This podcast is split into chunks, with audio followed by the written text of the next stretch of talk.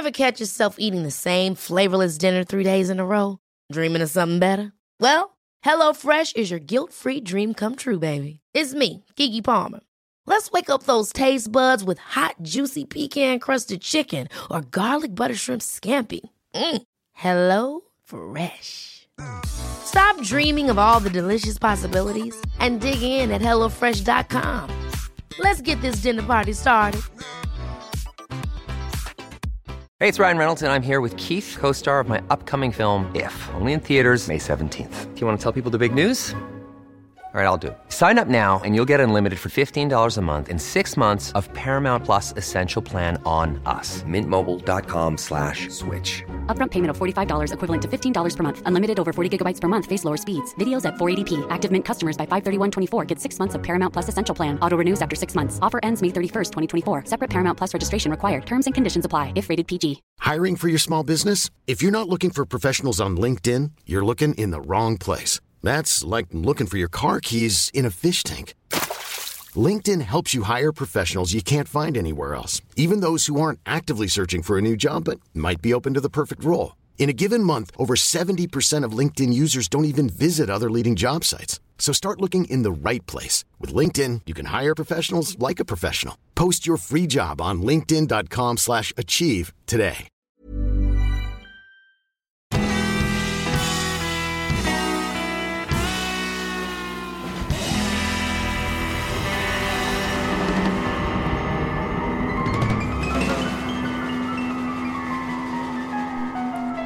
Hej allihopa och välkomna tillbaka till ett nytt avsnitt av Ståpäls. Eh, och det är som vanligt jag Lukas.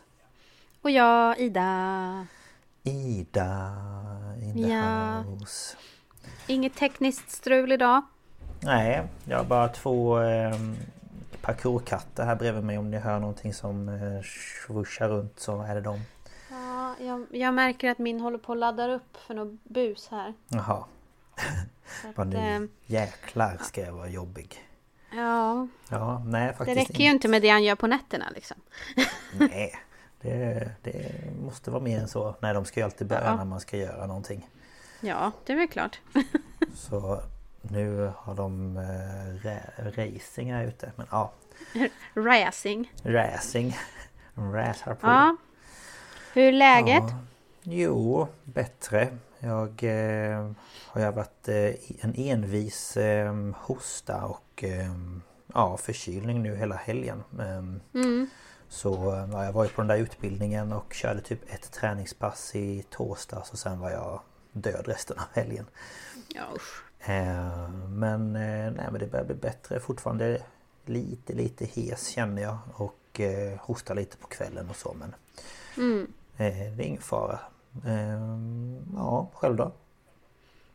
Ja, jag har ju hållit mig frisk. Du lyckades inte smitta mig sist vi sågs. Så Nej. att, eh, men jag är tvingad till eh, vila för jag har tydligen eh, överansträngt mina fötter när jag har promenerat. Så att, Mm. Ja, Man blir lite rastlös liksom. ja, såklart. Men det är ju lätt hänt. Om, alltså om man Ja, inte är kanske jättevan vid att gå ofta eller om man eh, har dåliga skor eller ja. Ja, det är skorna det är fel på, det vet jag. Ja. Så kan det vara. Ja, Ja, men man får, man får la investera i något bättre kanske. Ja, det är, det är alltså bra skor är ju väldigt, alltså det är ju viktigt för ja, Det är ju A och O liksom. Ja men precis. Så det Men- får du väl göra.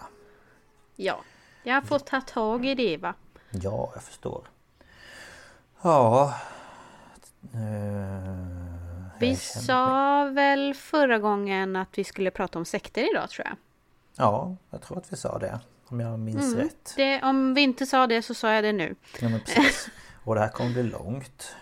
Mm. Ehm, Jag har försökt och så här Jag har, jag eh, har kollat på en dokumentärserie Och jag har verkligen Mm. så här försökt Dra ner typ varje avsnitt till max kanske en Ja en sida, en och en halv men det är, ja, Mm. det är jättesvårt Ja, men det blir lätt så. Ja, Så att eh, det är väl kanske lika bra att vi bara börjar då för att eh, det kommer bli eh, fakta... fakta... Vad säger man? Mättat. faktatungt Ja, Ja. det var kanske det jag tänkte på. Ja, Men eh, det är ju du som börjar så att vi hoppar väl in direkt. mm, vi gör så. Yes.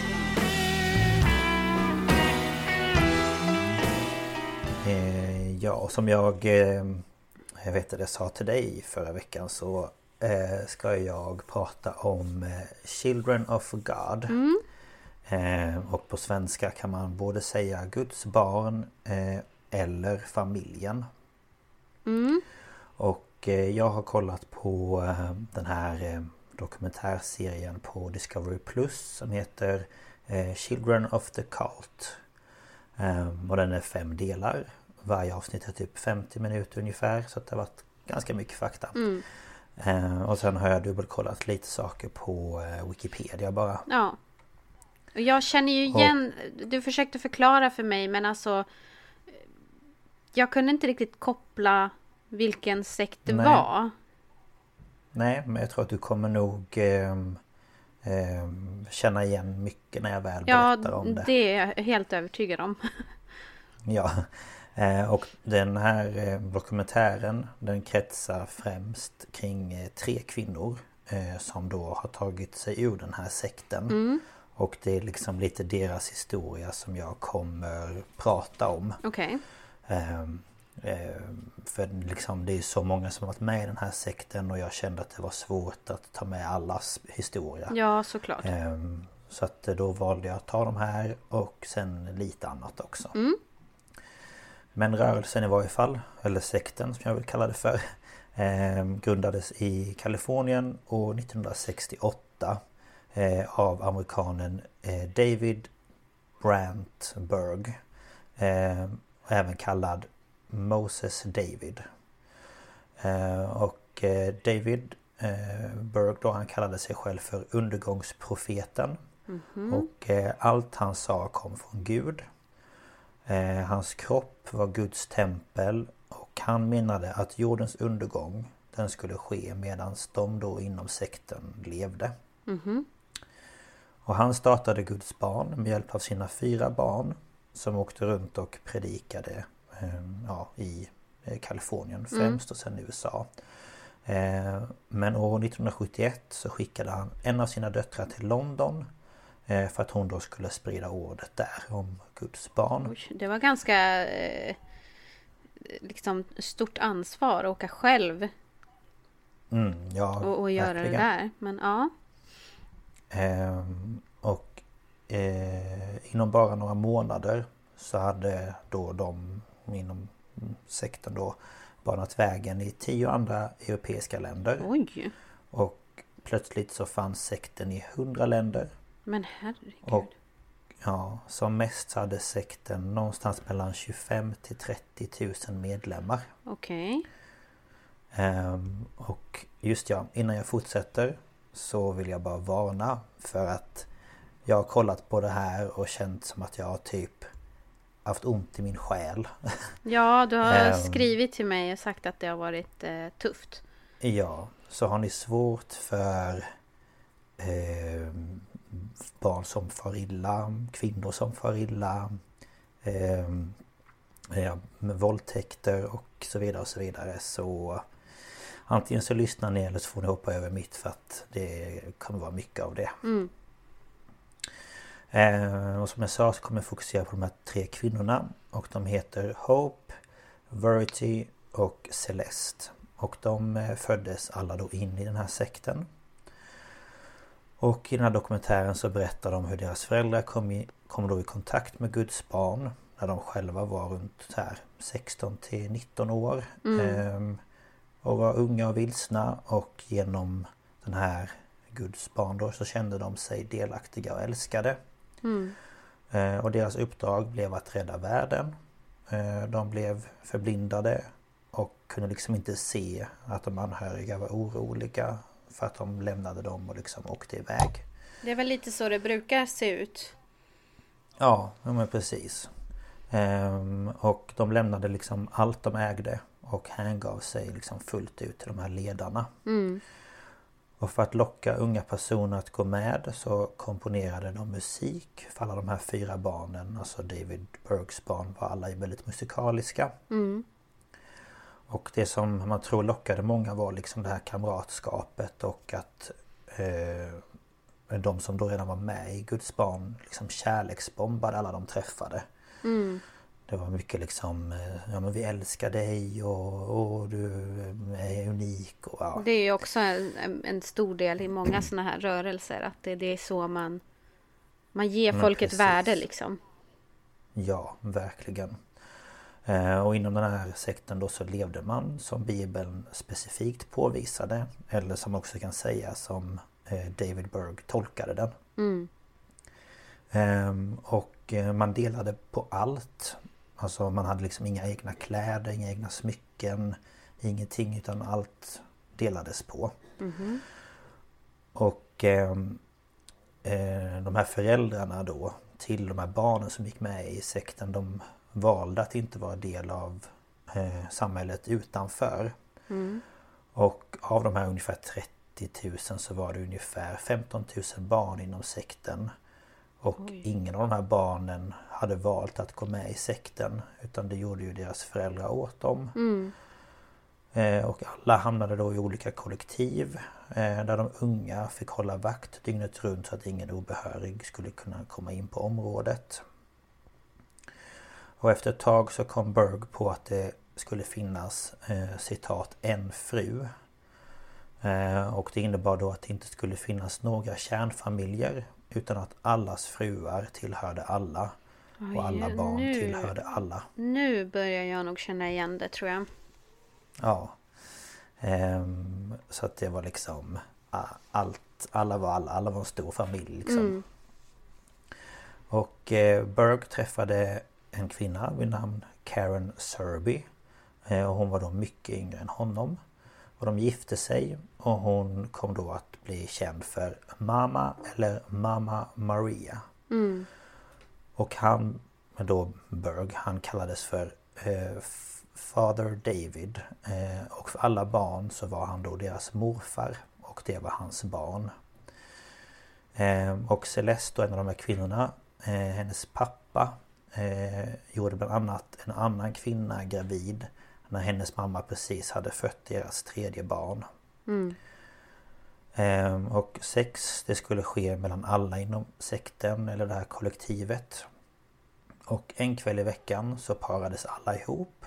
Och det här schemat som man gick efter det roterades och ändrades för varje kväll liksom. Men de, de skulle ju följa Bibeln. Då ska man väl inte hålla på så, eller? Ja, Ja, nej men det var ju hans tolkning av det. just ja. Just det. Ja. Så var det ja. Ja, ja precis. Eh, och Celeste eh, Hon hamnade på det här schemat Även fast hon bara var 10 år gammal. Nej men fy fan. Och det här var då hennes plikt enligt honom. Och eh, en annan tjej eller kvinna i dagsläget som hette eller som heter Serena. Hon föddes i, i Bergs hem i Manila i Filippinerna. Och hennes mamma Sarah Kelly var en av ledarna. Eh, och hon fick tidigt lära sig om att ljuga om sitt liv. Alltså Serena. Och när hon var tre så tog hennes mamma henne till Berg och satte henne i hans knä. Och han började kyssa henne på munnen och krama henne och ha sig. Eh, sen så fick hon en ring som han sa åt henne att bära för evigt. Eh, och under sin uppväxt så arbetade hennes mamma då direkt under Berg och Serby. Eh, Och inom sekten så fick barnen inte ta del av popkultur, inte radio, inte musik och inget sånt. Eh, Och de fick därför göra sina egna låtar och musikvideos och så kassettband och grejer. Så det var liksom det de hade att roa sig med. Ja. Och därför så grundade eh, Celestes pappa ett radioprogram eh, som då hette eh, Music with Meaning för att då nå ut med sitt budskap om liksom Guds barn. Och det här kunde då både sändas eh, via radion men även via liksom video, tv och sådär. Eh, och alla barn och unga ville liksom vara med. Eh, då man liksom liknade det här lite med typ sektens Hollywood. Ja. Liksom, eh, Ja, så barn fick vara med i de här musikvideorna som gjordes och alla liksom tyckte de här var liksom häftiga och coola. Och, Ja men ja. det hände ju uppenbarligen inte så mycket där så det där var väl en jättestor grej. ja, gud ja. Verkligen. Så att det var liksom the, the shit. Eh, och det bildades en liten sånggrupp som hette The Love Lights. Eh, Och den skapades då inför det här Music with Meaning. Och eh, det var då en grupp med barn som man tvingade att uppträda på begäran. Eh, Och de tvingades då in i studion för att spela in och de skulle vara framför kameran och spela in musikvideos och grejer. Och de skickades till olika restauranger för att tjäna pengar eh, som då sedan skulle ges till ledarna. Och de här barnen blev som popstjärnor och ja, alla ville liksom vara som dem. Och eh, många inom sekten nu i efterhand menar att utan musiken så skulle det inte funnits någon sekt. Ehm, för det var liksom den som fick andra att vilja gå med. Okej. Och eh, man kan säga att barnen inom sekten den liksom, de liksom formades till att visa upp att Guds barn var liksom en kärleksfull samling med kristna människor som bara älskade varandra liksom. Och eh, de vuxna i Guds barn de hade eh, sex öppet utan att ta någon hänsyn till barnen. Och eh, minst en gång i veckan så var det en, ja, en stor orgie liksom med de vuxna som bodde i det kollektivet.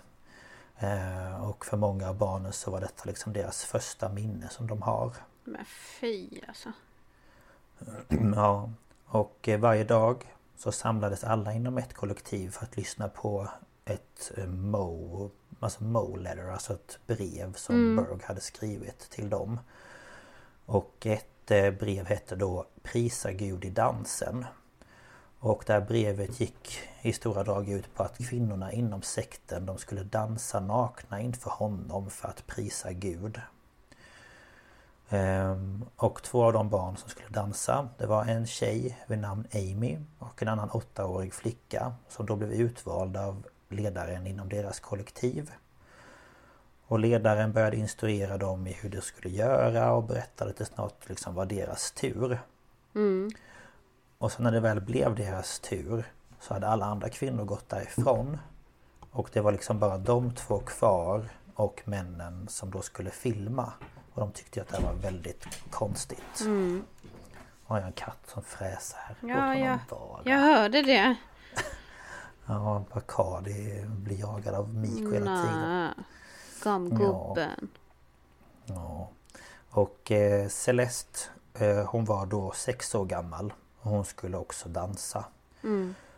Och den här dansen hon skulle dansa hade då Berg bestämt. Och de här filmerna liksom blev så normaliserade så de kunde till exempel visas under lunchen eller ja, olika tillfällen under dagen.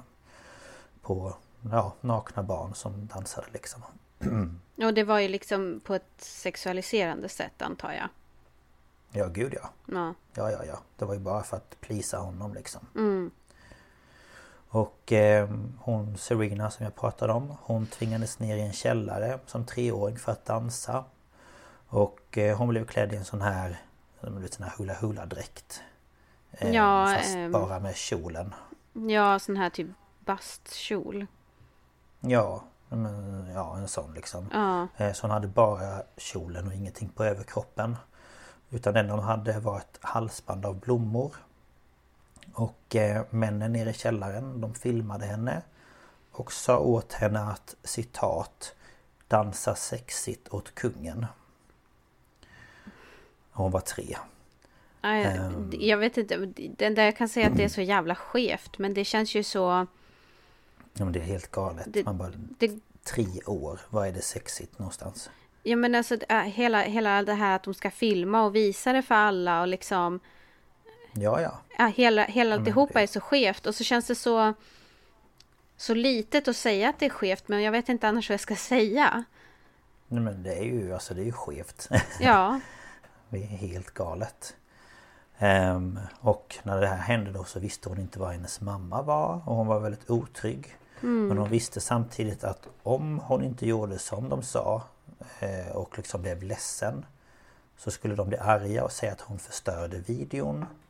Och alla de här videosarna de skickades eh, till Berg. Mm. Så att han skulle kunna kolla på dem. Men gud, håller din fru på att dö i bakgrunden eller? Ja, jag tror det. Det låter som det. Jag tänkte först stängt dörren men eh, nu gjorde jag inte det. Jag bara, jag bara Ehm. hör henne typ hosta lungorna ur sig. Ja, hon har också hostat precis som jag. Ja. Tyvärr. Ja.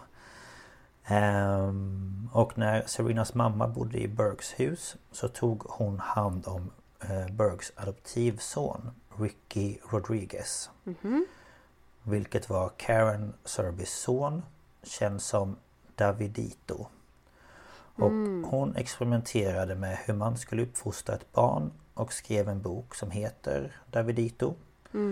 Och eh, boken är i princip en handbok i hur man våldför sig sexuellt på ett barn. Eh, och Berg såg ingen skam i att väcka ett barns sexualitet runt 2 till 4 års ålder. Och eh, Berg uppmuntrade Serenas mamma att ha sex med honom i väldigt ung ålder medan Berg tog bilder på vad som hände. Och eh, Serena förstår än idag inte hur hennes mamma inte förstod hur fel allt det här var. Och att den här boken har ju förstört tusentals barns liv. Ja. Och hennes mamma menar då att det var Guds vilja att göra så. Och eh, Berg eh, han förespråkade sex mellan barn och barn och sex mellan vuxna och barn. Eh, och han själv utövade det och det ansågs inom sekten som något normalt. Eh, och alla gjorde liksom inte det öppet utan vissa gjorde det även i hemlighet. Och eh, barnen fick till exempel gå in i ett rum och dansa den här dansen då och ta av sig kläderna. Medan de vuxna ja, tog på sig själva och ja, masturberade och hade sig. Och de sa till barnen att de var sexiga och att de blev tända. Eh, och Amy och eh, Celeste var två av de här barnen då som var tvungna att göra detta. Eh, och efteråt så hade de ingen annan att prata med förutom varandra liksom för de kunde inte säga det till någon annan. Nej. Ehm, och eh, Verity, alltså en av de här tre kvinnorna då. Hennes första minne är från när hon var fyra. Och då hade hon precis badat och eh, var naken. Och hennes pappa hade då henne i knät och började ta på henne. Eh, och hon grät och bad honom sluta men han fortsatte. Och han andades tungt och hon minns inte hur länge det höll på. Eh, Men hon minns att hon inte kunde prata med sin mamma för att hon eh, inte skulle bry sig. Och hon ville inte heller ställa till det för sin pappa. Och det här är så sorgligt tycker jag. För Ja. han var den enda som sa att han älskade henne. Ja. Eh, Och Hope blev också utnyttjad som barn av en man som heter Derek Lincoln. Och eh, hon minns att hon sov i ett stort rum eh, tillsammans med bland annat sin mamma och Derek. Och på morgonen när hon vaknade så hade hon blivit biten av en spindel. De bodde då i Indien. Eh, Hon mådde väldigt dåligt. Så hon hade feber i några dagar och för att bli frisk så fick hon då ligga i hennes mammas säng och vila upp sig liksom. Men under dagarna så kom han in i rummet eh, och hade fullbordat sex med henne. Och efteråt så sa han åt henne att hon var tvungen att byta lakan.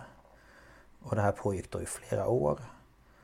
Ehm, Och hon berättade att hennes mamma eh, visste om vad som hände men att hon gjorde ingenting för att förhindra det. Nej. Eh, Och som åttaåring så utvecklade hon ett hat mot henne för att hon inte skyddade henne. Och det enda hon ville var att alla de här människorna skulle åka fast. Ja, det förstår man ju. Ja. Ehm, Och en annan kvinna som heter Sandy. Hon gick med i Guds barn i Australien 1975. Eh, Men i maj 1990 så fick hon nog och lämnade då sekten med sitt äldsta barn och sina tvillingar. Och åtta månader senare så stötte hon då på en man som också hade lämnat sekten som hon då kände sedan tidigare. Eh, och han letade efter sin fru och sina barn men han kunde inte hitta dem någonstans. Så Sandy bestämde sig för att hjälpa honom och till slut så hittade de liksom var de var. Eh, så hon följde med honom. Eh, men väl framme så fick han inte träffa barnen. Och han blev ju då självklart väldigt frustrerad. Mm. Och började sparka på en grind som var liksom in till det här området. Så polisen kallades till platsen och då till en början så ja, såg det ju bara ut som ett familjebråk. Ehm, Så polisen sa åt dem att de skulle gå till familjerätten. Och polisen liksom hinner knappt vända sig om och börja gå därifrån förrän Sandy då ropar på poliserna och säger att de här barnen går inte i skolan och det här är en sekt. Och hon förklarar då att sekten heter Guds barn.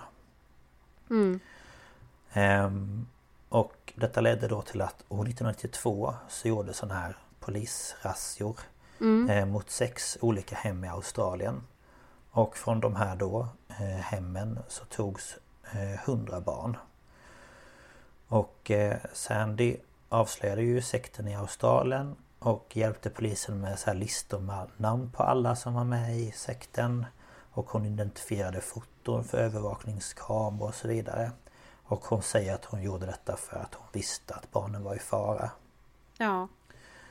Ehm, och ehm, det var en grej som inte jag har skrivit upp men som hon berättade om att eh, det var en man som kom fram till henne efter allt det här. Och då var det en kvinna som var gravid eh, som blev så stressad av de här razziorna så att hon fick missfall. Och eh, han skyllde missfallet på Sandy, att det var hennes fel att deras barn inte kom till världen. Och ja, hon blev, i den här dokumentären blev väldigt ledsen och tyckte jag var väldigt jobbigt att höra att hon Ja men det är väl klart. hjälpa. Ja nej, men det, det är ju Ja. såklart. Ja, precis. Ehm, och de här razziorna i varje fall spreds till polisen runt omkring i världen. Och eh, totalt, alltså under alla år förstår jag det som, så räddades eh, jag vet inte riktigt hur de har räknat men 40 000 barn från sekten. Och då är det väl att många inom sekten de följer bort för att man bytte namn och hade sig. Så alla vet man ju inte Nej. att de var en del av det. Och eh, problemet bara med de här razziorna det var att alla barn hade ju blivit hjärntvättade och lärt sig hur de skulle göra och vad de skulle säga. Och att alla bevis då på att det förekom eh, någon form av sexuella handlingar mot barn skulle gömmas eller tas bort. Och barnen skulle till och med le på ett speciellt sätt när de blev intervjuade. Så barnen avslöjade ju ingenting och alla deras historier var likadana. Ja, men, och de har ju liksom, de har inte vuxit upp på något annat sätt liksom så Nej men precis. de... Eh, eh, Men det gjorde ju det jättesvårt för polisen. ja, för såklart. Alla utredningar runt om i världen fick ju läggas ner. Mm. För att eh, ja, varken polisen eller socialen kunde ju bevisa att barnen var i fara. Mm. Och eh, David Berg han gömde sig efter de här razziorna. Ja, det väl klart. ja, och i ett brev så uppmuntrar han då att, eh, till följarna att de ska kämpa för sin tro. Och eh, i Indien så började då polisen utreda det här kollektivet som Hope befann sig i. Så Hope och hennes mamma och den här Derek Lincoln som nu har blivit hennes styvpappa flyr till Storbritannien. Och eh, där så tvingades de att gömma sig för polisen. För att ja, de ville inte bli upptäckta. Nej. Ehm, och de bosatte sig till slut i Skottland. Eh, och där ska de då bilda ett nytt kollektiv. Ehm, och de sökte efter fler medlemmar och kom då i kontakt med Verities familj. Mm. För hon bodde ju i, hon bodde i Skottland under den här tiden. Mm. Och eh, Verity hon berättade då i den dokumentären att det tog bara några månader innan hon träffade Derek. Eh, och hon beskriver honom som en av de mest våldsamma och sadistiska vuxna i sekten. Ehm, och Hope då som var, blev utnyttjad av honom eh, blev desperat och skrev ett brev eh, till familjen som de då bodde hos om allt som hon hade varit med om och som Derek hade då gjort mot henne. Men en dag så kör den här familjen förbi huset och lämnar det här brevet till Derek. Ja, som sen lämnade tillbaka det till Hope. Och det var då hon förlorade liksom tilliten till alla i princip. Ja, det fattar man verkligen. Ja, man, liksom vilken... Hur sviken man måste känna sig liksom. Ja, det, hon hängde ju upp liksom allt på det där. Ja, gud ja. Ehm, och David han fortsatte att styra sekten från Asien. Och de här kraven eh, som han hade de ändrades konstant. Och nu så fick eh, flickorna och kvinnorna inte klippa sig. Och de fick inte ha vilka kläder som helst. Och de fick inte ha byxor, de fick inte ha någon radio, tv, musik, ingenting. Och om man bröt mot detta så avskildes man från de andra och man fick ha en skylt där det stod att man inte fick prata samt sån här, vad heter det, sån här silvertejp mm. eh, över munnen liksom. Eh, och Celestes eh, kollektiv eh, flyttade till eh, Manila. Och eh, där bodde de i ett hus som vaktades av beväpnade vakter. Och hon berättar i dokumentären att det kändes som ett fängelse och att vissa år gick hon inte ut alls. Så hon visste liksom ingenting om omvärlden. Fy alltså. Och eh, alla tonåringar de skulle ju fortsätta att lyssna på de här lärorna, alltså hans läror. Mm. Och ett citat, eh, vilket jag tycker är helt galet, lyder så här. Eh, det borde vara ett kött. Håll inte från varandra. En kvinna kan, utan att ens bli upphetsad. Då behöver du kanske lite extra glidmedel. Om hon är för trött eller inte vill och du måste är det ingen stor ansträngning för henne. Ja, Man bara... Mm, mm, great. Vilken fantastisk kvinnosyn. Ja. ja. Eh, och eh, ledarna började ju märka att, för att nu hade ju de här barnen som kom in i sekten börjat bli tonåringar. Mm. Och de började ju märka att de har ju sina egna viljor. Och eh, det ville man ju inte ha i sin sekt. Så då startade de internationella tonårsskolor. Och de här skolorna de skulle bli som träningscenter för ungdomar runt om i världen. Och eh, där skulle de tränas att bli lojala och då blir nästa generation att arbeta för Berg. Mm. Och eh, bland annat så sjöng de och marscherade och liksom käntade eller sa liksom gång på gång att eh, citat Jag är soldat i Herrens armé. Eh, precis som liksom typ barnsoldater. Mm. Och eh, skolorna de var som ett läger eller som ett fängelse typ. Där man sov i sovsalar efter sin ålder. Och i varje sovsal så bodde även en ledare. Och som tonåring så fick du inte gå någonstans eller göra något på egen hand. Utan du skulle alltid ha en vuxen med dig. Mm.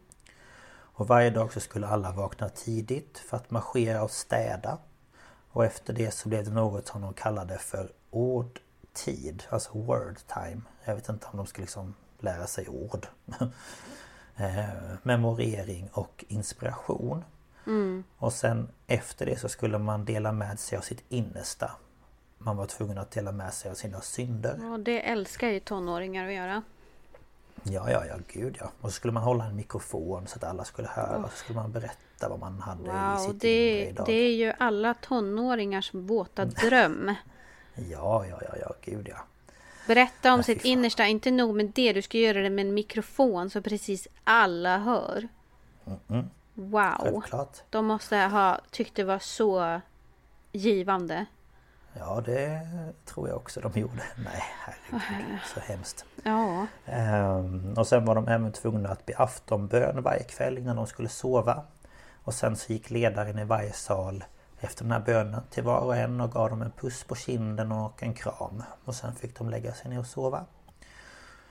Och eh, de tonåringarna som inte lydde skickades till, till ett läger i Macau. Och jag fick kolla upp lite var det låg och det är liksom en speciell administrativ region på en liten halvö i södra Kina. Ungefär 65 kilometer väster om Hongkong. Okej. Och det här lägret det låg på en gård. Och de som kom dit skulle enligt ledarna ha andliga problem. Eh, och de ungdomar som hamnade där hade attityd och sa emot. Men man bara, ja det brukar ungdomar ha. Ja, det låter som en typisk tonåring. Ja. Och eh, de klassades då som de kriminella tonåringarna. Ja, men jösses. Ja, de skulle straffas och utföra hårt arbete. Mm. Till exempel så var det en pojke som låstes in i en garderob och fick fasta i flera dagar. Och eh, tonåringar blev slagna med tillhyggen vilket då var något som Berg, eller Berg då lärde ut. Ehm, och en av dem som blev bestraffade och som då skildes från de andra tonåringarna Det var David Bergs egna barnbarn. Eh, mm, Nu ska se så jag säger rätt. Eh, Manny. Jag tror det är Manny. Ehm, Och Celeste och hon de kände varandra från det här Music with meaning. Och eh, hon berättar att Minnie var väldigt ja, men rar och vänlig så hon förstod inte alls varför hon blev utvald till, till att liksom bestraffas. Nej. Eh, Men eh, Berg gifte sig med henne och några av de yngre tonårstjejerna som alla var runt 12 till 13 år gamla. Med sitt barnbarn? Ja, med sitt barnbarn. Men vad fan. Åh herregud. Ja, Ja. Gud har väl ingenting med det här att göra men Nej, verkligen inte. Och för att få igenom detta då så använde han sig av helt galna förklaringar. Och efter att han hade gift sig med henne så började han attackera henne. Och han sa att hon var både psykiskt sjuk och besatt av demoner. På grund av att hon hade vågat att kritisera honom. han kanske skulle ta och titta sig själv i spegeln känner jag. Ja, kanske lite sådär, jag vet inte. Eh, och i några av de här breven han skrev så beskriver han flera eh, alltså exorcismer som de utförde på henne. Och i ett av breven som hette Det sista stadiet så beskriver han hur hon blev slagen offentligt, hur han skriker åt henne och hur han beordrar andra att binda fast henne. Och eh, detta brev lästes av alla i sekten men ingen gjorde någonting. Nej. Och Mini eh, tvingades att vara kvar på lägret som ungdomsbrottsling i ytterligare två år och lämnade sekten som 18-åring. Och hon led av psykisk ohälsa och gick tyvärr bort eh, bara 45 år gammal. Och eh, 1993 så nåddes världen av nyheten av att River Phoenix dött av en överdos. Och eh, för er som inte vet så var han en amerikansk skådespelare som föddes in i den här sekten. Och han slog igenom med filmen Stand By Me. Och inom sekten så använder man hans död eh, som ett slags varnande exempel på vad som händer om man lämnar sekten. Och eh, han hade fått då en chans till Guds kärlek menade ledarna. Men lämnade sekten med sin familj och på grund av detta eh, så blev han då omgiven av personer som utnyttjade och manipulerade honom. Och han dog till slut av droger. Ja, det var ju absolut för att han lämnade Ja, som en, ja, till en ja, ja. följd av att han lämnade. Det var inte en följd av vad han hade varit med om när han var med. Nej, nej, nej, nej. Absolut inte. Ehm, och det var liksom det här som barnen i sekten hade att se fram emot om de var dumma nog att lämna Guds ljus och ge sig ut i världen. Och ehm, David Berg hade sagt att jorden skulle gå under 1993. Men ja, det här året kom och gick och ingenting hände. Och eh, den här profetian som Berg fått eh, var då att Jesus skulle komma tillbaka då och hämta upp alla sina barn som han hade lämnat kvar på jorden liksom. Ja, men han kanske gjorde det, men det var inte dem. Nej men precis. Eh, men det som han då förutspådde det hände ju aldrig. Nej. Och då började människor inom sekten undra eh, då liksom vad var en antikrist och vad var de här prövningarna som de skulle få gå igenom och liksom vad hände med det? Och eh, de då inom sekten hade fått höra att det var de som skulle rädda världen, att de var speciella men det hände, alltså ingenting hände så att de bara vad är det som händer? Ehm, och då började man tänka att han var en falsk profet. Ja. Och, Där eh, gick gränsen liksom. Ja, nej, men nu har ju tiden slagit. Nu, du sa fel datum här. Nu, nu är gränsen Ja. nådd. Nu har du satt din sista strå. Ja men alltså det är, ja. Ja, jag vet. Fast samtidigt förstår jag ju det, för de har ju gjort alla dessa prövningar och det för Mm. ett, ett mål. Och så kom inte det målet. Och då, Nej men precis. Jag förstår, jag förstår men jag förstår inte. Eller jag ska säga. Nej, nej men lite så. De har sett fram emot någonting som aldrig hände. Och de har jobbat för någonting som Mm. De aldrig blev skedde. lovade det här och det kom inte. Nej men precis. Eh, Men eh, David Burkes hälsa i varje fall försämras samtidigt av allt det här. eh, För han har ju druckit väldigt mycket alkohol. Eh, Och i oktober 1994 så dör han faktiskt. Och för många så kändes det här då som slutet på ett väldigt långt kapitel. Men hans änka, då Karen Serby, tar då över och styr den här sekten. Och efter detta så börjar fler och fler att lämna sekten och många tv-kanaler kontaktar ungdomar som då varit med i Guds eh, barn för att intervjua ja, dem. Och detta gjorde ju såklart att fler och fler fick upp ögonen för sekten. Och eh, de högsta ledarna bad därför de som var kvar i sekten att bränna alla brev och alla böcker och skrifter liksom som eh, David Berg gjort.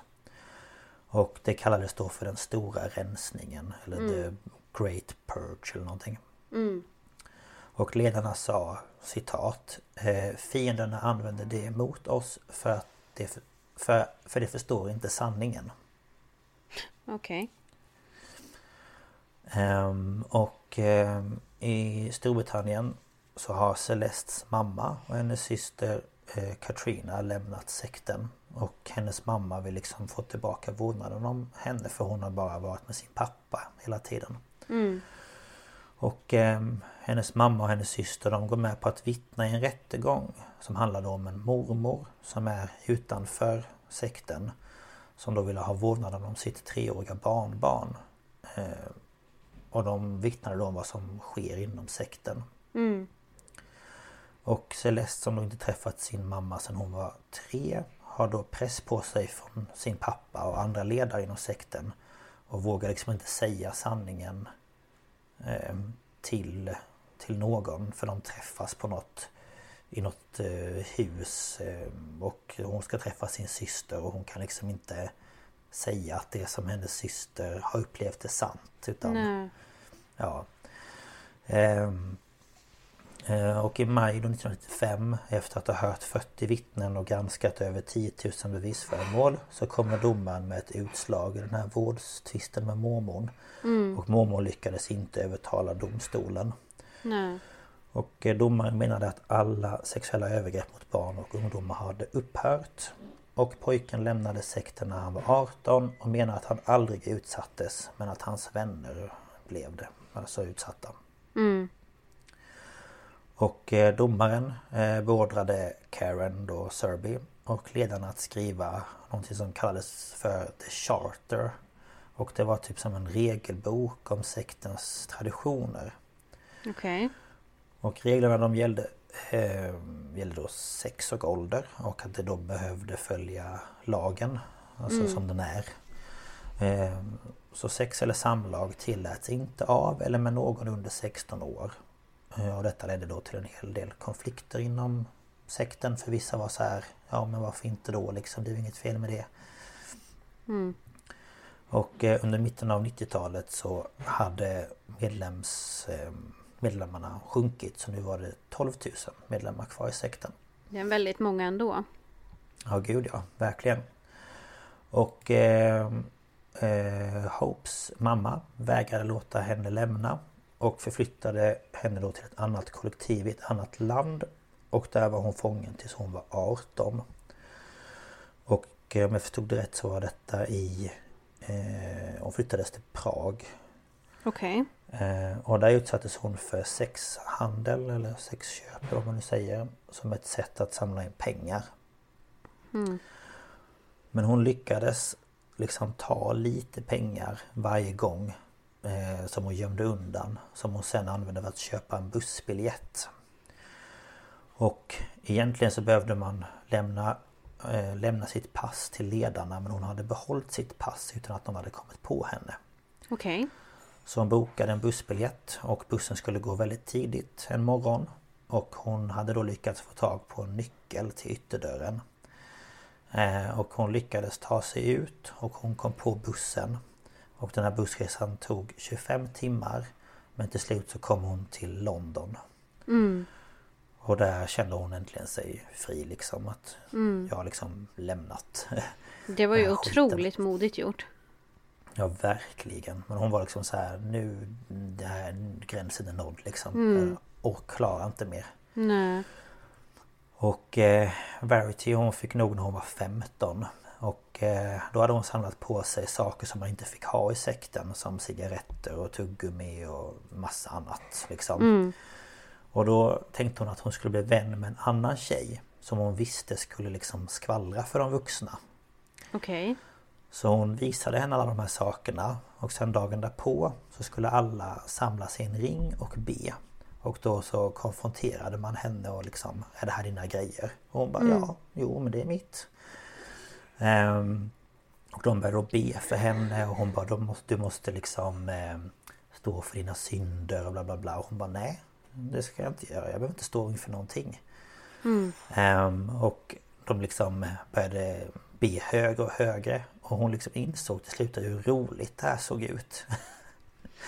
så hon tappade det och började liksom skratta så tårarna liksom bara rann. Det måste ju likna den här scenen där de i, i midsommar. ja, när, hon, när, så. hon, när hon gråter och alla börjar härma hennes ljud. Ja, men lite så. För hon det- liksom bara... Den situationen när vi såg den, den var ju så skev Mm. så vi började ju asgarva. Det måste ju varit något liknande liksom. ja, ja men lite så. För de ville ju få bort djävulen från henne och hon kände liksom att vad håller ni på med? Men Så gud, liksom- de måste ha blivit jätte så här. De vill få bort Ja. djävulen ur henne och hon börjar skratta. Alltså. Ja, hon, alltså, hon, hon bara asgarvade, hon kunde inte sluta. Så en av ledarna de säger då åt henne att hon ska dra ner byxorna för att de ska liksom piska henne. Men först hon bara okej men sen så bara insåg hon att men jag är lika stor som dig. Så hon bara nej det ska du inte göra. Ehm, och så kom hennes mamma in och var fly förbannad. Och skulle då slå henne i ansiktet.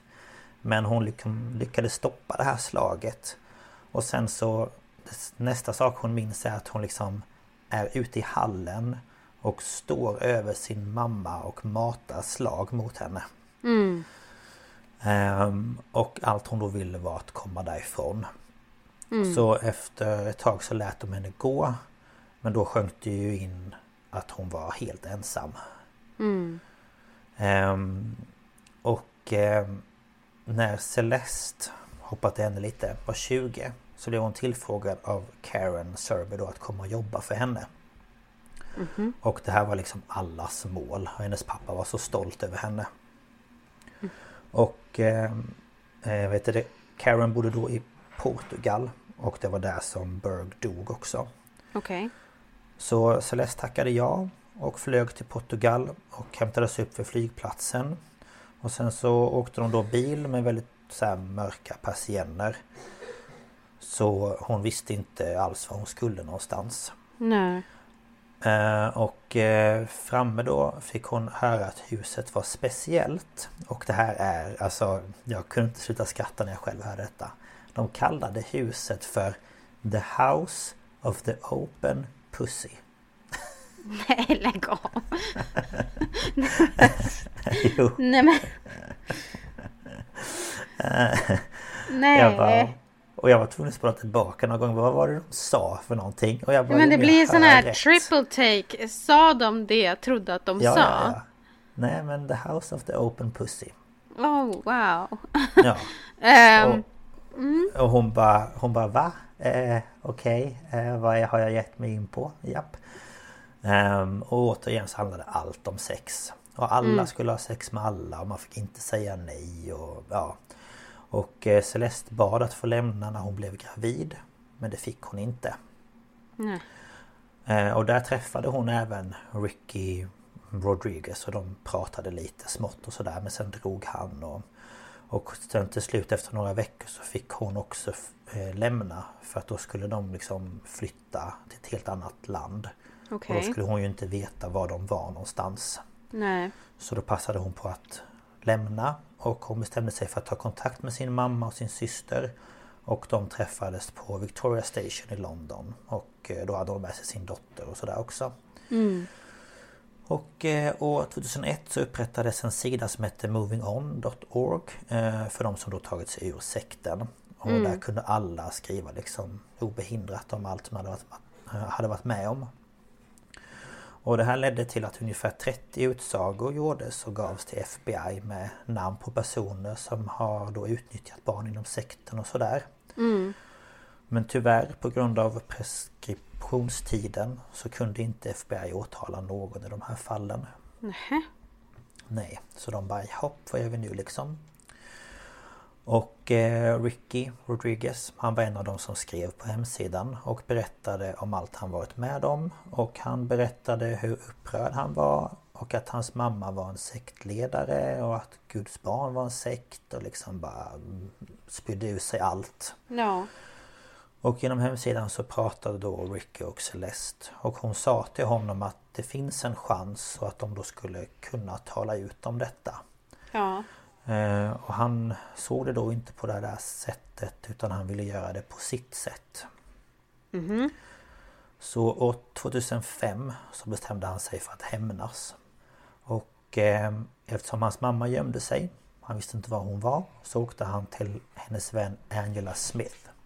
Okay. Och hon finns då på bilder från när han var liten. Eh, I olika, ja, sex ja, grejer. Mm. Och han säger då att det var en kvinna som förgrep sig på honom.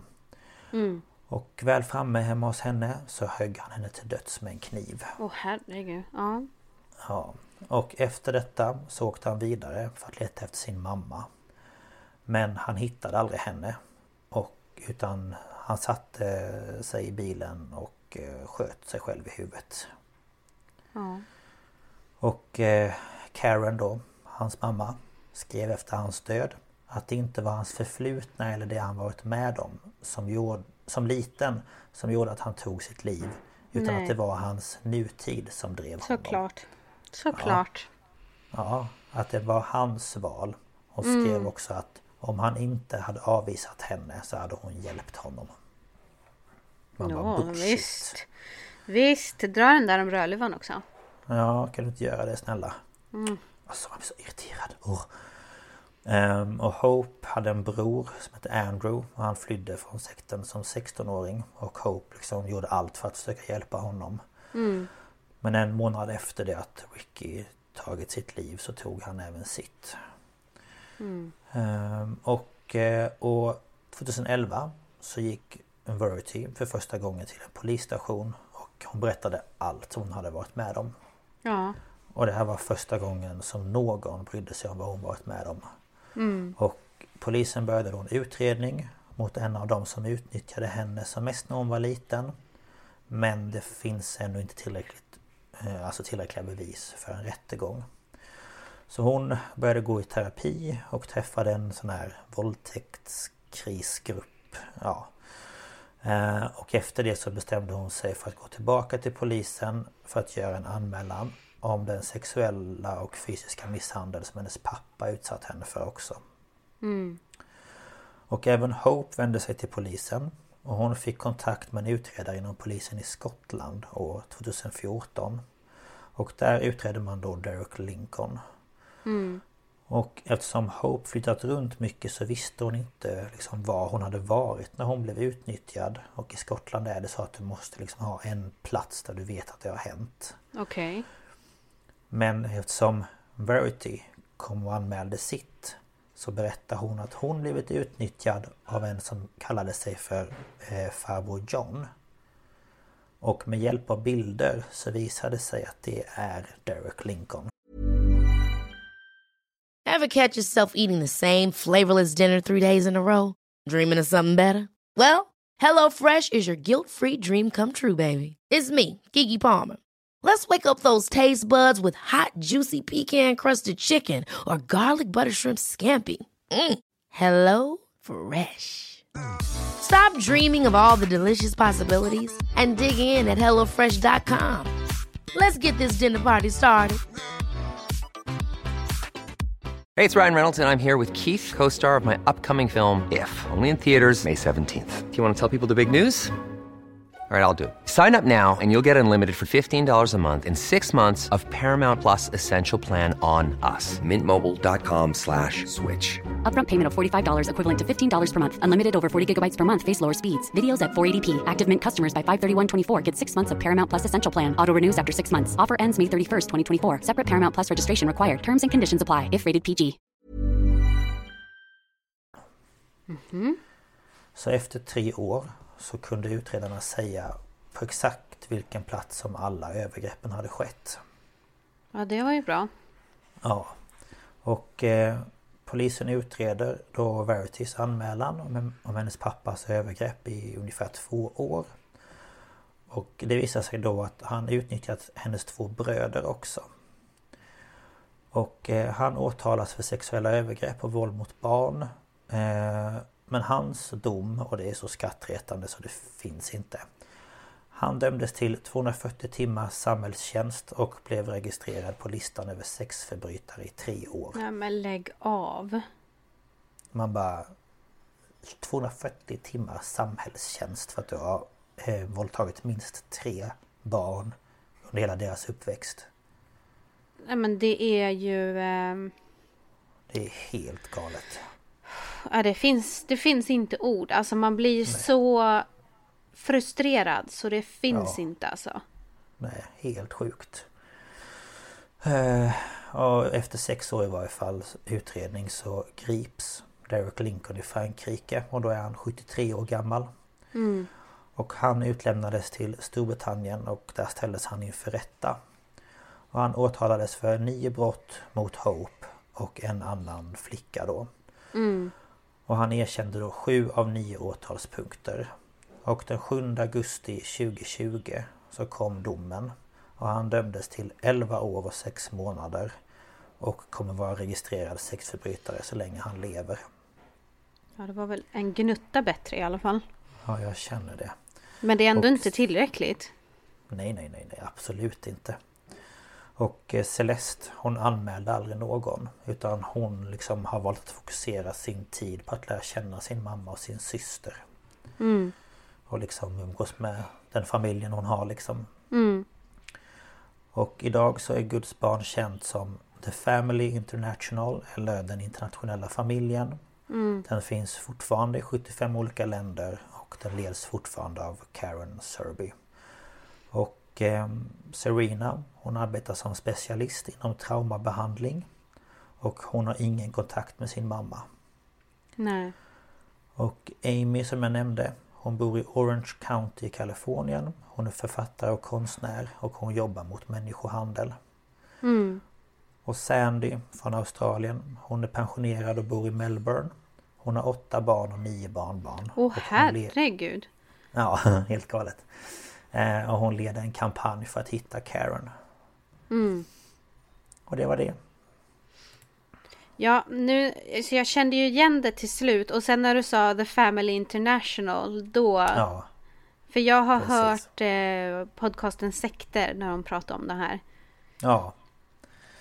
Ja, nej det är en... eh, En, rö- vad heter det? Berg och dalbana av känslor när man kollar på den här dokumentären så Ja, det, det förstår jag Har verkligen. ni möjlighet och ork och så så rekommenderar jag verkligen att titta Mm. på den för att jag tog ju inte upp allt för det. Nej, hade jag det- fått titta går i några inte. timmar.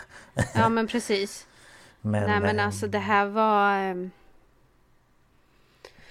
Jag vet inte, och jag, jag, jag finner inga ord. Alltså, Nej. det är så sjukt. Ja, och då är detta liksom bara tre eh, kvinnor av kanske flera Tus- tusentals Ja. barn. Och jag vet att jag nämnde för dig att jag har ju sett en Youtube-video på en man som jag har glömt namnet på nu. Mm. Som har en sån här mm, vad heter det, motivations eh, workshop-grej Mm. på några dagar. Och då får folk ställa sig upp och berätta vad de har varit med om. Och liksom hur de ska ja, men jobba för att må bättre. Är det en han, är det han som ställer sig och skriker på folk? Ja precis han. Ja, Ja. ja jag det kommer en- inte heller ihåg vad han heter. Nej, och då är det en kvinna som ställer sig upp och säger att hon eh, eh, flydde från eh, eh, ja, Guds barn och Mm. sen får man följa lite hur det går för henne efteråt och hon, Mm. typ, hon skriver någon bok och föreläser och sådär. Så Ja, att, just det. ehm, som de ville det, få det att framstå så är det inte så att alla dör liksom. Nej, nej lämnar. såklart. Det är det ju inte. Men... eh, Men ehm, ja, nej. Det är eh, helt eh, sinne, ja, sanslöst. Jag fattar ingenting. Helt nej, nej, det, det, det, går inte att ta in alltså. Det, Nej, verkligen inte. man blir mållös. Men Ja. jätte, jättestarkt av det att du tog dig igenom den här dokumentären och skrev alltihopa. Ja, nej men jag kände att det var... Jag har ju funderat på att ta den här förut men så jag var så här, jag vet inte, den är ganska välkänd. Mm. Jag har, jag liksom har också tänkt. tänkt. att man skulle ta den men så är det så här, nej men det kanske blir liksom för jobbigt ämne eller liksom Men precis. Och sen så Men, hittade jag eh, den där dokumentärserien och så såg jag att den handlade om den här och så tänkte jag äh, ja, jag kör. Och sen Mm. eh, nu känns det ändå... Det känns bra. Att man kan Ja. liksom sprida... mm, Vad ska man säga? Ordet. Det låter som att jag själv har en sekt. Nej nej men alltså man, Eh, man ja. vill eh, berätta om deras historia Bevisa. liksom. Ja, ja, men verkligen. Mm. Att det går att komma vidare trots att man har varit igenom ett helvete. Ja. Ja, tack så jättemycket. Ja, så lite så. Nu är jag sugen på att höra vad du har att berätta. Ja, det är väl lika bra vi hoppar vidare. Vi gör så.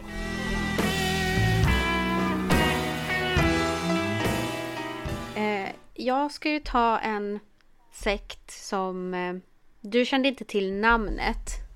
Men jag tror Nej. att du kommer känna till eh, lite händelser runt här. För jag ska prata om något som kallas för Nexium. Eh, och det skrivs NXIVM. Ja, just det. Mm. Ja, det är en förkortning typ. Eller, ja. Ja, det ska väl se lite romerskt ut kan jag tänka. Och jag har ganska många källor. Jag har läst på popsugar.co.uk. Jag har läst på headtopics.com, eh, esquire.com, Expressen, eh, New York Times hemsida, bustle.com, eh, den svenska podcasten Sekter har eh, tvådelat avsnitt om det här och eh, diverse saker på Wikipedia. Några fler källor än mig. Sådär. Men det, det är för att det finns mycket info men ändå lite info om det här. Kan man säga. Jag förstår. Eh, och han som eh, allt kretsar kring, han hette, eller heter Keith Renier, tror jag man säger. Och eh, jag vill bara eh, en... För jag har inte tagit så mycket om hans eh, bakgrund, men det var en sak som de sa i den här podcasten som jag tyckte var... Ja, intressant. Säger, det, det, den säger en hel del, den liksom sätter stämningen. Och det är att han ansåg sig vara typ världens smartaste man. Eh, för att han hade gjort ett IQ-test som visade att han hade ett IQ på 240. Eh, Okej. Eh, om vi ska sätta det här i någon slags eh, helhet så säger man att Albert Einstein hade ett IQ på 160. Ja. Ehm, kanske inte riktigt så smart. Nej. Eh, så att, eh, nej, jag tror inte att det här testet han gjorde var särskilt tillförlitligt. Men eh, ja, där har vi liksom mannen vi, vi eh, rör oss kring. Man är liten. ja. Ehm, ja, han, hade, han eh, anser sig själv vara väldigt eh, kunnig eh, om allt. Eh, jag säger inte att han, alltså, han var säkert, han hade säkert ett, ett högt, högt IQ, men han hade garanterat inte så, så högt. Nej. Nej, det tror jag inte heller. Nej. Eh, vi börjar på eh, år 1990. Eh, då grundar Keith Rainier. Jag tror att det är så man säger. Rainier eller Ren, Rainier. Jag, jag vet inte. Han grundar i alla fall Consumers Byline, Byline Incorporated, eller CBI. Och det här är då ett MLM-företag, Multi-Level Marketing. Eller som vi säger här, pyramidföretag.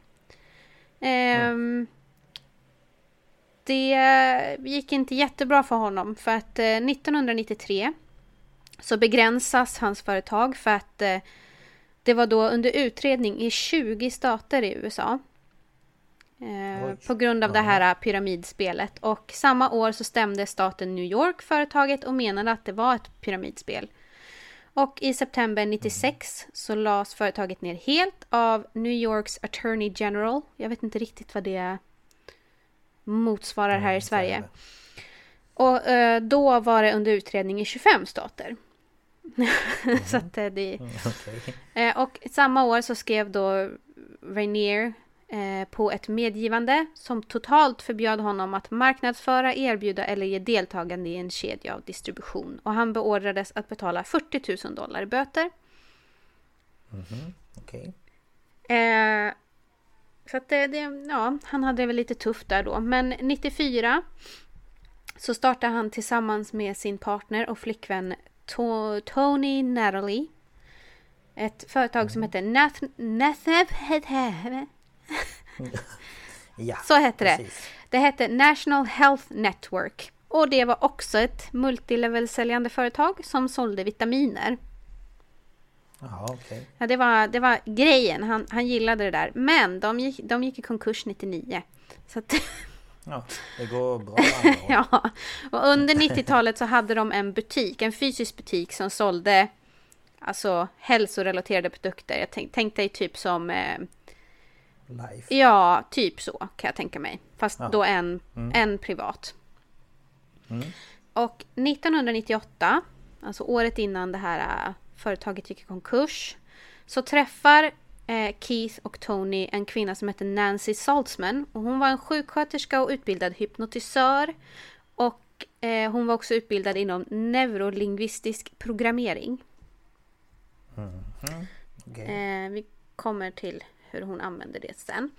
Eh, hon kom in i deras butik för att hon hade ett jättestort problem. För hon led av svår förstoppning. Ja. ja, det är jobbigt. Så hon gick till hälsokosten och eh, eh, Tony hon, eh, hon eh, plockade ihop saker som skulle hjälpa och det gjorde det. Så hon kom tillbaka några dagar senare för att tacka och erbjöd sin hjälp som terapeut. Så här, är det någonting jag kan hjälpa dig med som tack, tack liksom. Eh, och eh, här är ett citat ifrån Tony. Nancy sa, du är så underbar, hur kan jag hjälpa dig? Så jag sa, tja, du kan hjälpa mig med min pojkvän. Han har grandiosa idéer och hans arbetstimmar blir oregelbundna igen.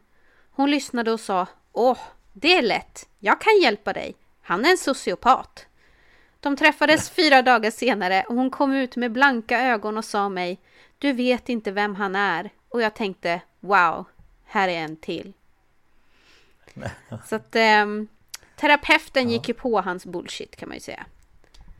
Ja, mm, såklart. Han är en psykopat. Sociopat. Ja, sociopat. Sa jag, sa jag psykopat? Nej, sociopat. Nej, jag vet inte. Jag. Det är sociopat i alla fall. Men ja, mm. Ja. hon, hon tyckte, Tony tyckte alltså att han var en eh, mansgris, slashas. Han var vaken på nätterna och sov på dagarna och, och hjälpte inte till och, och sådär. Eh, Deras förhållande mellan då, då Tony och Keith tog slut under ni- 99. Men eh, Keith och Nancy kom eh, nära varandra och diskuterade sina idéer och tankar och tillsammans 1998, jag vet inte exakt när 98, så startade de ett företag i Albany i New York som arbetade liksom med personlig utveckling och det här kallades för ESP eller Executive Success Programs. Och de erbjöd då en rad tekniker för självförbättring. Och Keith han eh, menade att företagets huvudfokus var att människor skulle uppleva mer glädje i livet. ja, men det är bra. Ja. Det vill man ju göra. Men eh, han sa också att allt vilar på att på den uppfattningen att du väljer själv. Din inställning definierar ditt liv. Därför så finns det inga äkta offer utan bara människor som ser sig som offer. Och ett ganska konkret exempel är att det objektivt in, då inte finns något som kan kallas för våldtäkt utan det blir bara ett övergrepp först när någon känner sig utnyttjad.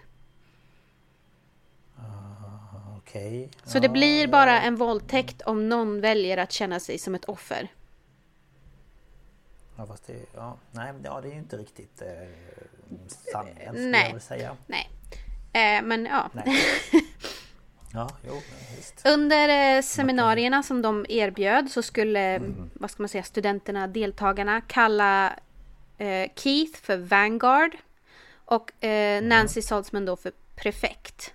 Och titeln Vanguard kommer enligt Hollywood Reporter från ett spel från 81 med samma namn och i spelet så förgör man sina fiender och ökar sin egen makt. Eh, Och han gillade väl det då.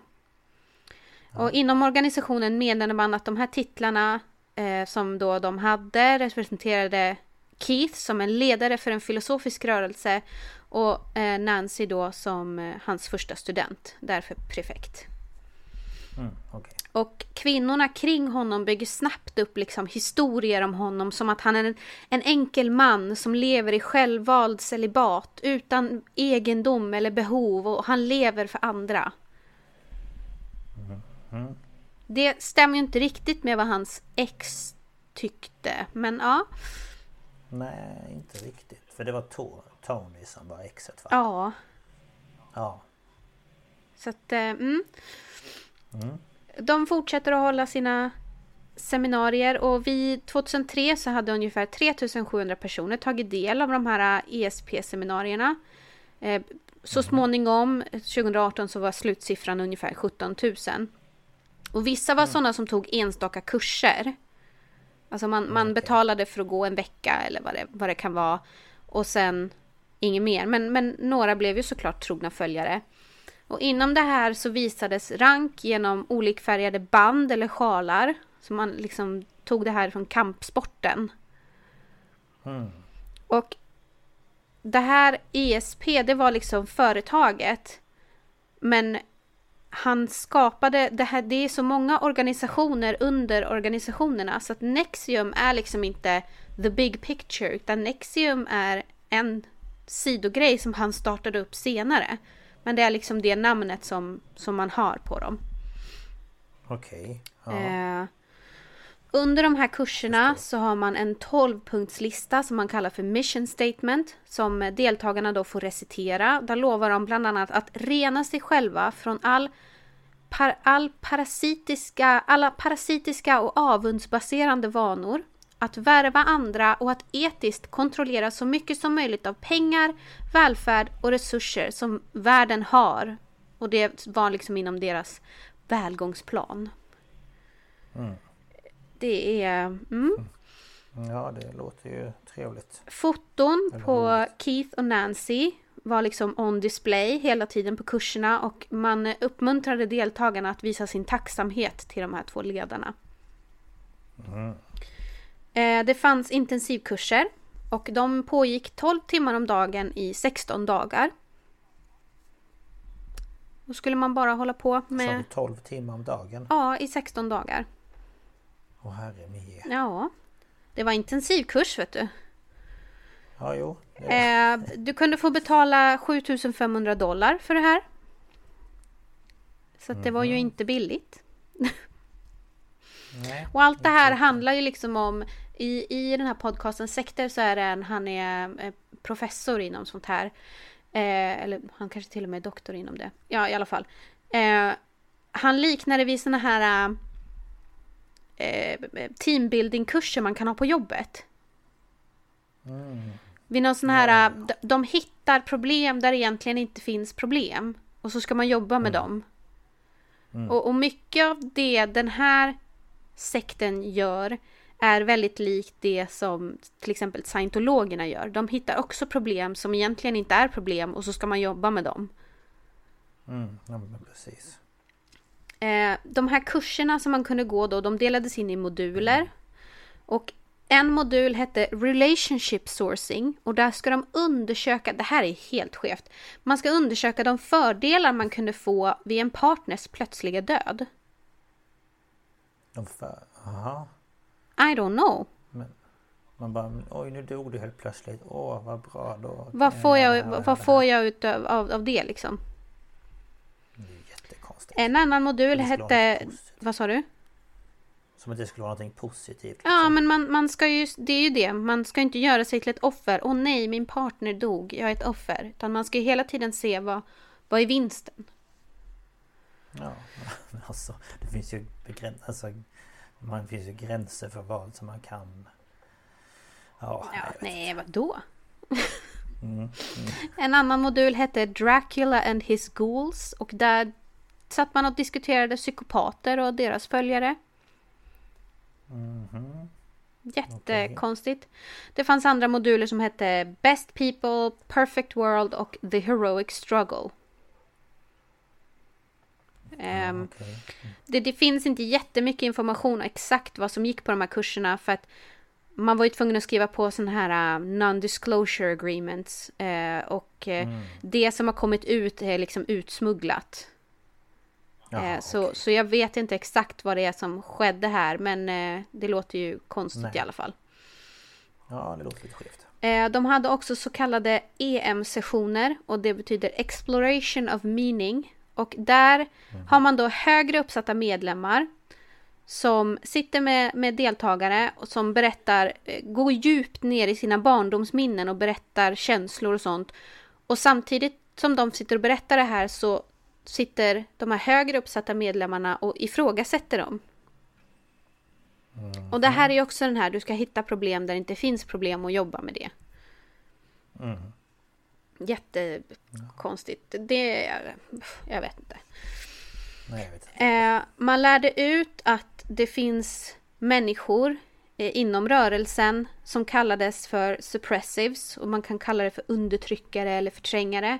Och det här är alltså personer då inom rörelsen som går emot Keith och liksom säger att men det här är ju inte, så här kan man inte göra. De här stämplar Nej. man då som att de har genomgått fallet, the fall. Och man, eh, man gav dem eh, etiketter som Luciferians, vilsna personer som känner att ont är gott och gott är ont. Okej. Det var vad man var om man ifrågasatte honom. Då var man en Luciferian. Ja. Och Ja. medlemmar i den innersta cirkeln ska också ha intalats att de har för det första levt tidigare liv och i de här tidigare liven har de varit högrankande nazister. Och jag vet inte varför det skulle vara någon grej. Nej, Men eh, ja, nej, jag vet inte. Ingen aning. varje år så arrangerar medlemmar något som kallas för Vanguard-veckan.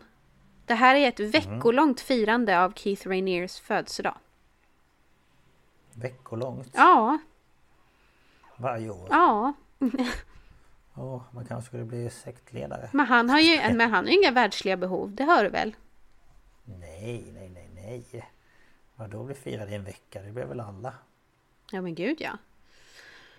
Eh, medlemmar som gick med i det här, de fick ju arbeta sig upp i rang och det här tog ju tid. Man skulle ju eh, förtjäna då sina olika olikfärgade sjalar och man hade dem där som en liksom morot framför dem och sa men du ska bara hålla en kurs till, du ska bara rekrytera så här många till.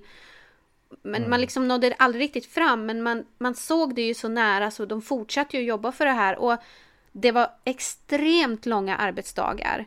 Och de höll de här kurserna och allt det här och de fick ju inga pengar. För man tjänar ju bara pengar i ett sånt här MLM-företag när du har kommit upp till en viss nivå. Aha, okej. Eh, och alla pengar som är i rörelsen, det är, du ska ju lägga, alla pengar du tjänar ska du ju lägga i rörelsen. Mm. Och liksom, ja. Och han lyckas ju, han lyckas ju få med liksom människor med, med mycket pengar. Som han Ja. då utnyttjar. Ja. Gud vad det påminner mig om någonting det här med att man ska ge sina pengar till till eh, andra. Ja men det är ju så, eh, det är ju så sån här pyramid, alltså pyramidgrejer fungerar. sådana Fall. Ja det kommer jag inte ihåg. Men- Det är ju Ja, jag får fundera. säkert. Det Ja. kanske kommer till mig. Eh, 2006 så går en skådespelerska som heter Christine Kroik, tror jag man säger, eh, med i rörelsen. Och det här är eh, en skådespelerska från tv-serien Smallville. Och hon spelar karaktären Lana Lang. Så har man sett eh, Smallville så vet man vem det är.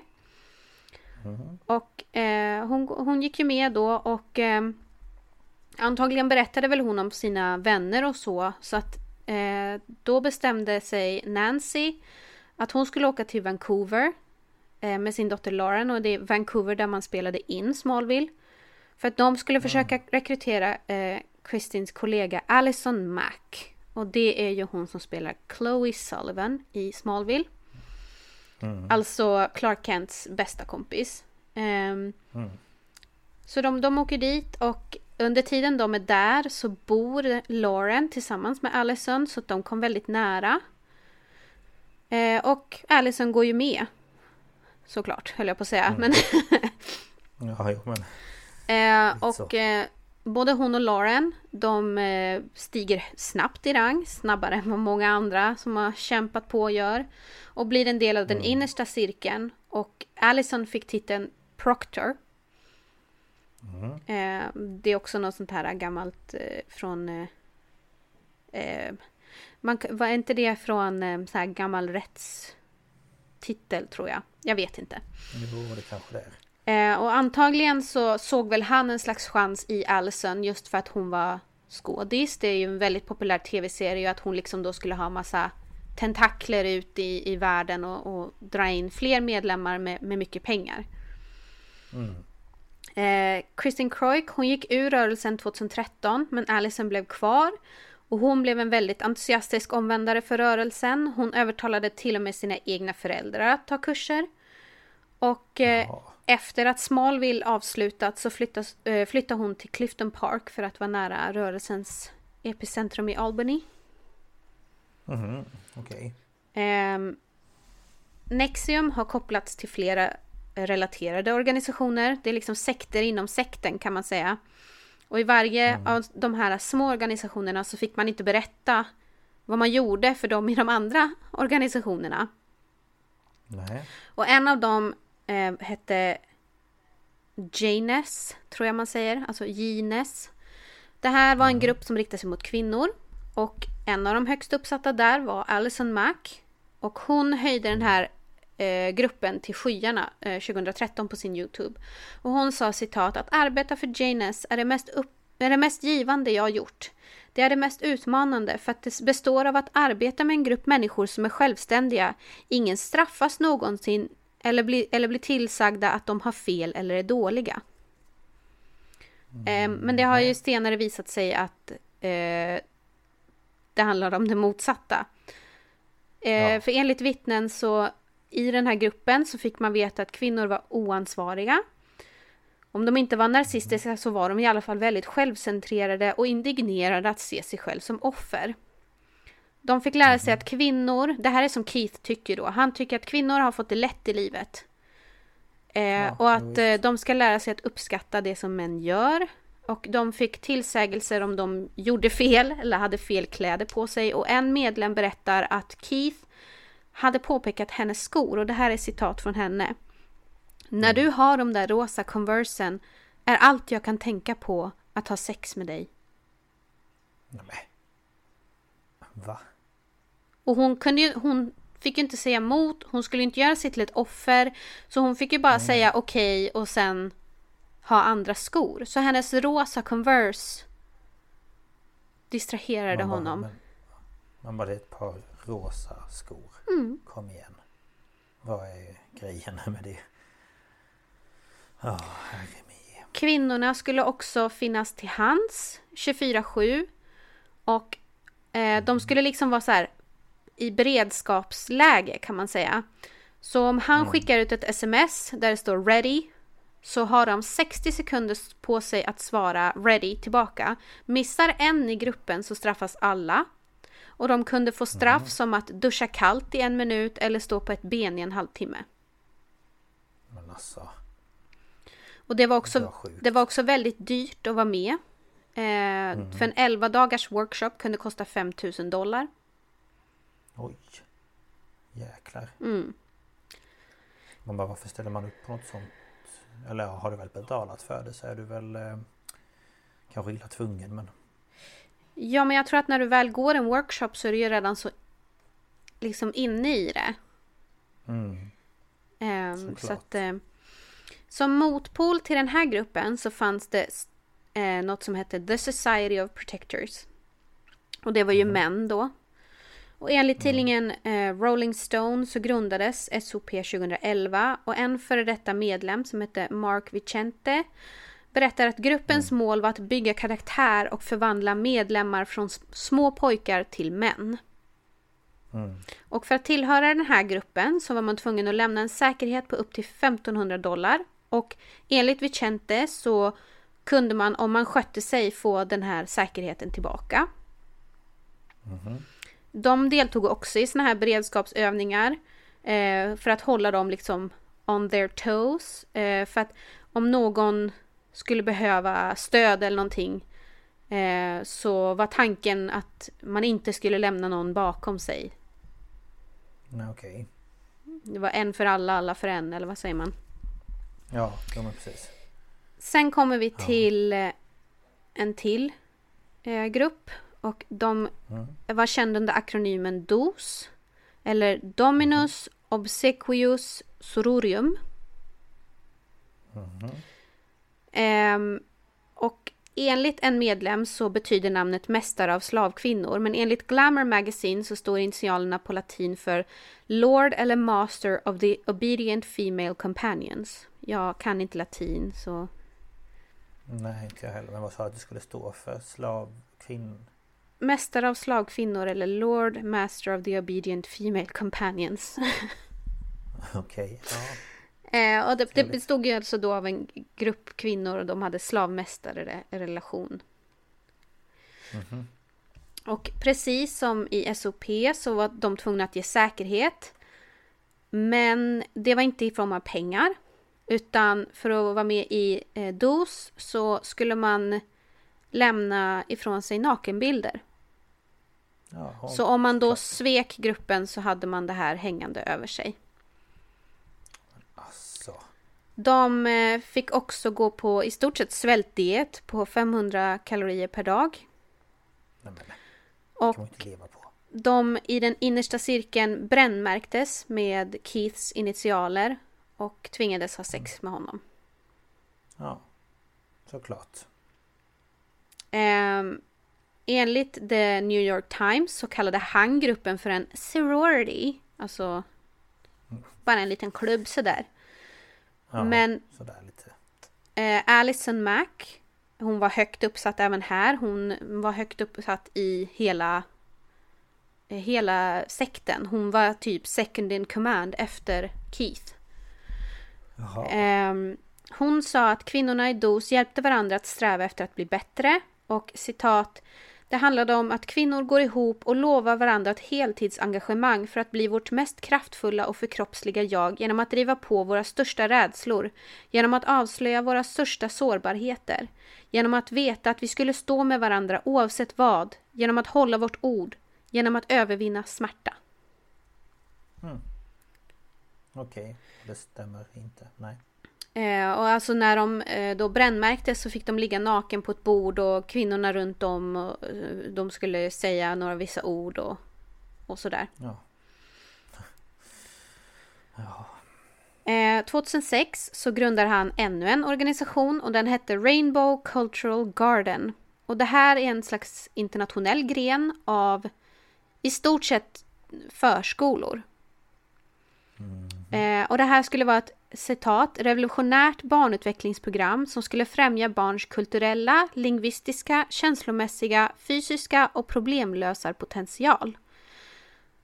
Eh, och Okej. under liksom tiden de var eh, barnen var där så skulle de utsättas för sju olika språk samtidigt, alltså om varandra för att då lära sig språk.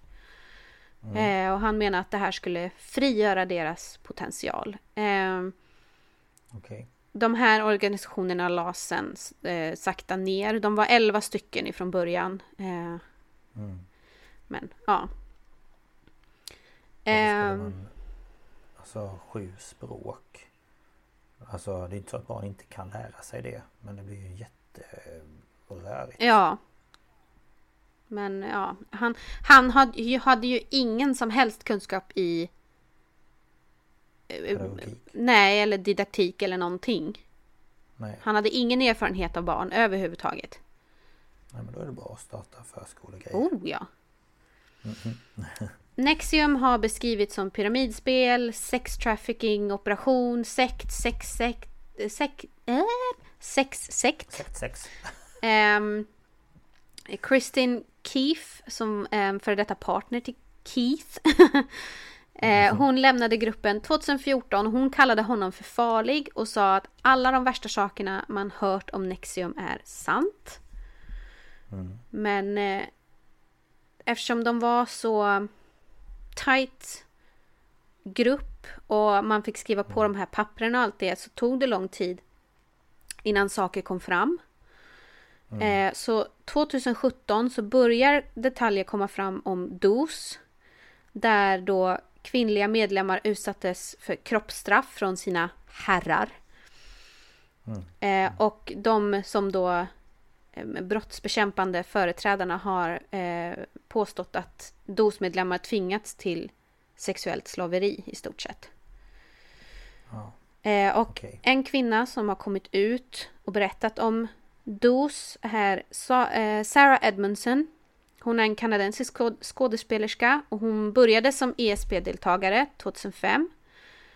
Eh, men hon eh, lämnade det efter att Alison Mack värvade henne till DOS i, eh, i sitt hem i Albany. Och hon berättade att de fick en ögonbindel och de skulle vara nakna och hölls nere av Alison Mack och tre andra kvinnor eh, då på ett bord och eh, märktes av organisationens eh, läkare Daniel Roberts med hjälp av en cauterizing pen, alltså en brännpenna. Och hon blev eh, brännmärkt eh, på höften nära underlivet. Eh, och de sa till de här kvinnorna att det skulle representera de fyra elementen. Men det det egentligen var, var Keiths initialer. Ett stort K med ett R inuti. Någon har också fått Alison Macks initialer. Ehm, Och att liksom man skulle då ta emot den här smärtan och liksom det var så man visade sin sin kärlek och tacksamhet. Ja, ja precis. Och hon berättar också om eh, de här eh, säkerhetsgrejerna som man fick lämna ifrån sig. Eh, med nakenbilder och, och så vidare. Och eh, man kunde också straffa medlemmarna genom att man kunde, man fick lämna ifrån sig en summa pengar eller eh, bilder eller någonting. Och, och gick man kanske inte till gymmet en dag så fick man straff genom att man inte fick tillbaka sina pengar eller, eller liknande. Och The Times rapporterade att hundratals medlemmar faktiskt lämnade Nexium efter att hon hade offentliggjort sin upplevelse. Ehm, Såklart. och den 15 december eh, 2017 så höll ABC-tidningen 2020 en utställning med intervjuer med många tidigare anhängare inklusive då Sarah Edmondson och Catherine Oxenberg. Eh, hon hade en dotter som hette eh, In, India, tror jag hon hette, Oxenberg. Eh, för hon, var, hon tyckte att hon var i fara i den här gruppen och det har sen kommit fram till att hon var i stort sett Alison Macks slav. Eh, och hon kunde, Alison kunde säga till henne så här, vi måste prata och så fick hon sätta sig och så kunde hon bara säga att du har ett nytt uppdrag, du ska förföra Keith, du ska ligga med honom. Och så var hon typ tvungen att göra det. Jaha, usch. Fy. Och flera tidigare medlemmar har rapporterat om det här med att man blev utnyttjad både ekonomiskt och sexuellt av ledaren. I mars 2018 så grips Keith Vanier och han åtalas för händelser i samband med DOS inklusive sex trafficking, sexhandel, konspiration och stämpling till tvångsarbete. Han greps i Mexiko och här har vi ändå en eh, grej som är lik eh, mannen du pratade om för att när Mm. eh, polisen kom så gömde han sig i en garderob. Ja. I en garderob. Mm. Mm. Men eh, ja, han eh, skickades till USA, helst häktad i New York. Eh, Mm. och åklagarsidan påstod att minst en kvinna tvingats till sex med honom. Eh, och han, att han då tvingade DOS-medlemmar att genomgå den här eh, brännmärkningen och Ja. Och ehm, en advokat som heter Richard Donahue sa att Keith citat skapade ett hemligt samhälle av kvinnor som han hade sex med och märkte med sina initialer. Tvingade dem med hotet att släppa ut deras mycket personliga information och ta deras tillgångar. Ja. Ja, Det blir ju som en form av utpressning liksom. Ja. Men han var ju, han var ju celibat. Kommer du ihåg det? Mm. Jo just ja, det var ju det ja. Det var ju så det var. Mm. Den 20 april 2018 så greps Alison Mack och åtalades på liknande anklagelser som eh, Keith Reniers. Eh, och enligt åklagare efter att eh, hon då har rekryterat kvinnor först till Nexium och sedan till DOS tvingat dem att delta i sexuella aktiviteter med Keith och också utföra vad, vad man då kallar för meniala uppgifter, alltså arbete, tvångsarbete. Och Mm, hon ska då ha fått betalt av Keith för det här. Aha. Och det var då också det kom fram att hon skulle varit eh, eh, näst, näst högst höns, eller vad man ska säga. Mm. Och det har också kommit fram att hon har försökt värva andra kända kvinnor via Twitter. Bland annat skådespelerskan Emma Watson. Som vi känner Ja. igen som Hermione i Harry Potter. Och Ja, ja, ja. hon försökte också värva artisten Kelly Clarkson. Mhm. Men eh, de nappade inte. Nej men det var ju tur det. Känner jag.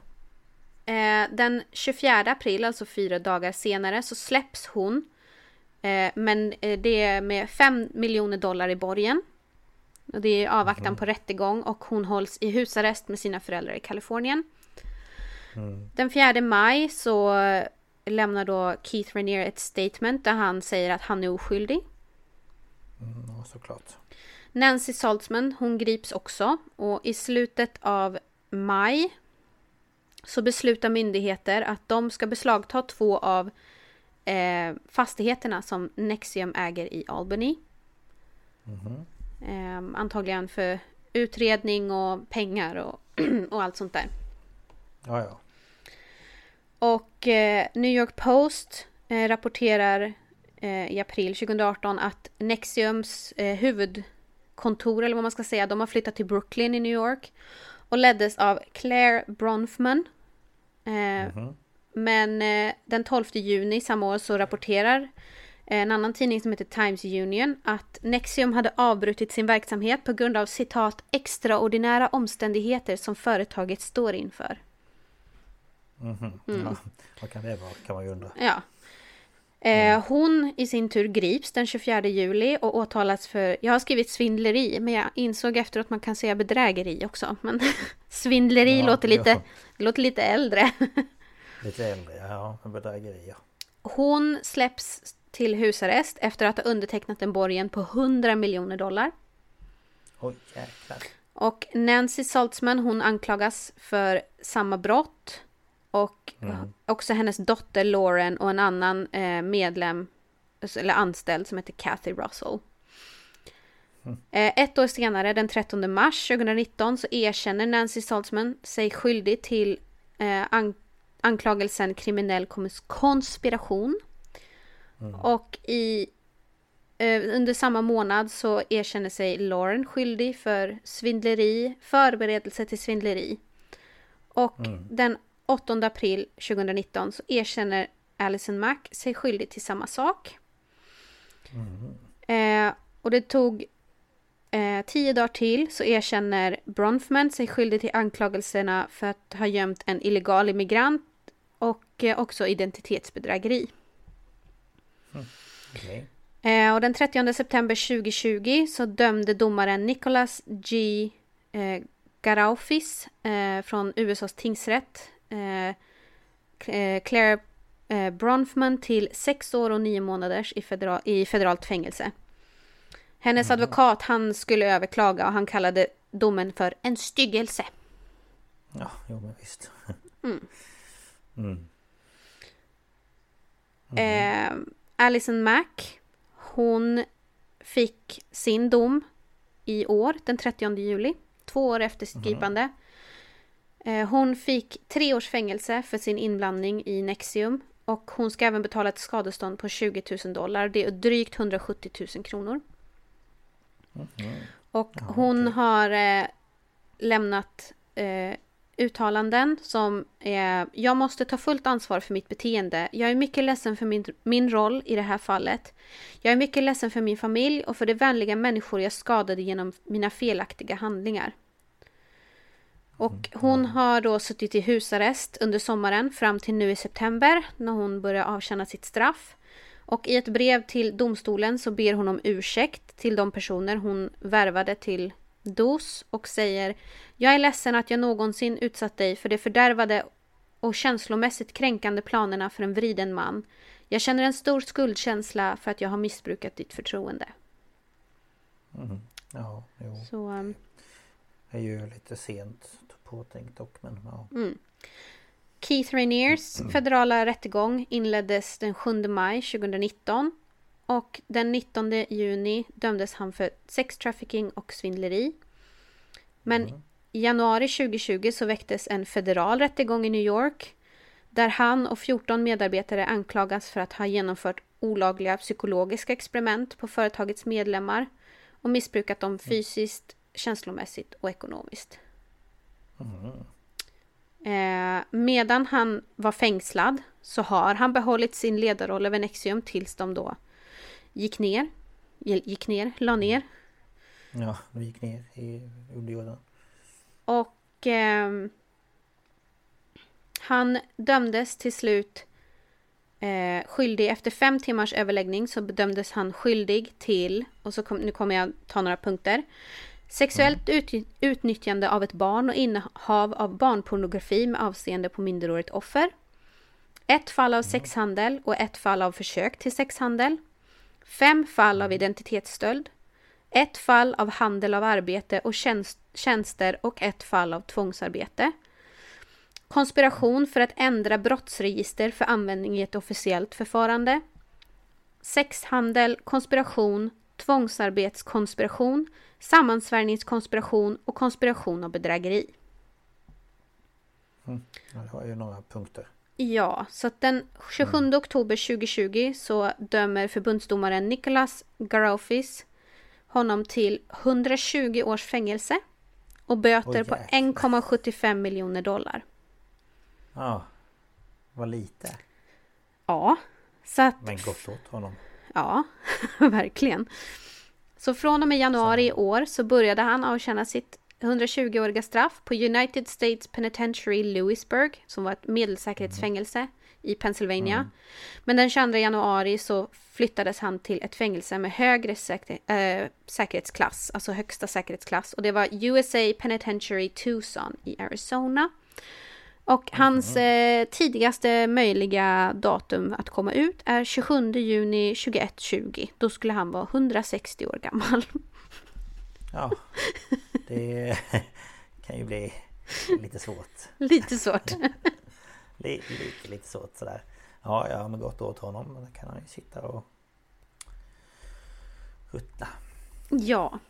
Eh, jag valde att liksom inte riktigt gå in i detalj på specifika offer eller så, utan jag ville ta lite mer övergripande. Även om det, det är fortfarande väldigt rörigt och det är mycket information som inte finns att tillgå. Ehm, för det var samma när Allison blev gripen så skulle man ju då börja förstöra papper och så vidare.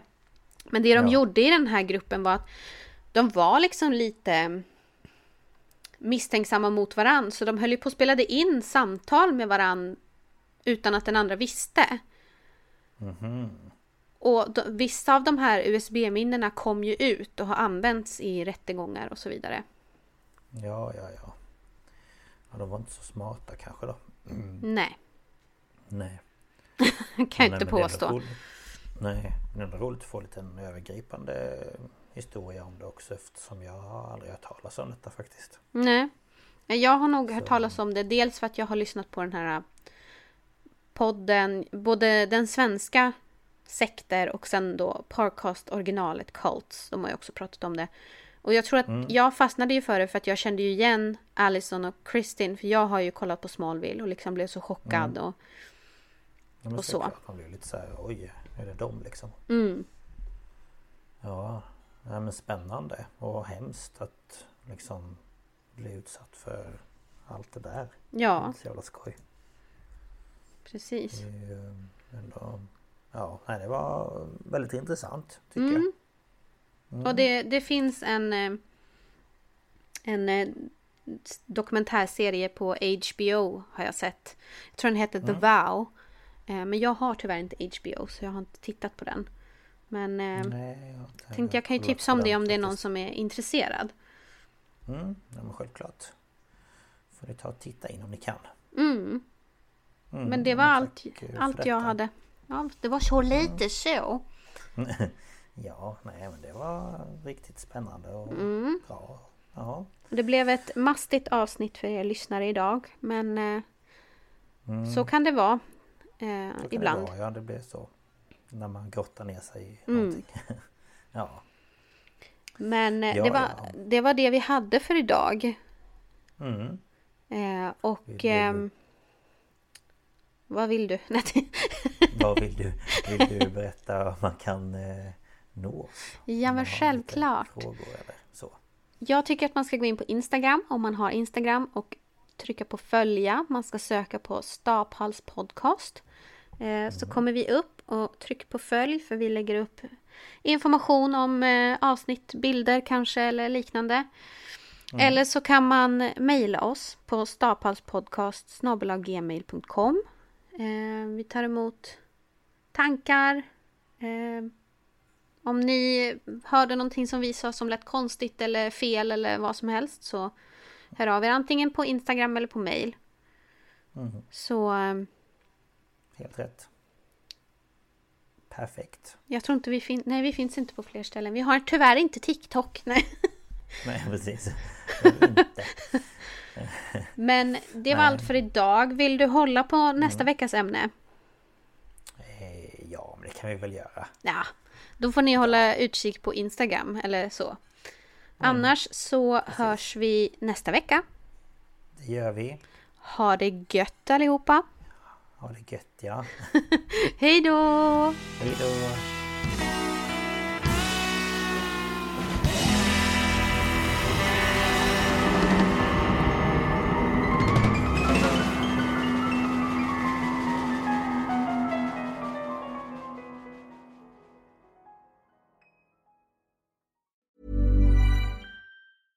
Ever catch yourself eating the same flavorless dinner three days in a row? Dreaming of something better? Well, HelloFresh is your guilt-free dream come true, baby. It's me, Kiki Palmer. Let's wake up those taste buds with hot, juicy pecan-crusted chicken or garlic butter shrimp scampi. Mm. Hello Fresh. Stop dreaming of all the delicious possibilities and dig in at HelloFresh.com.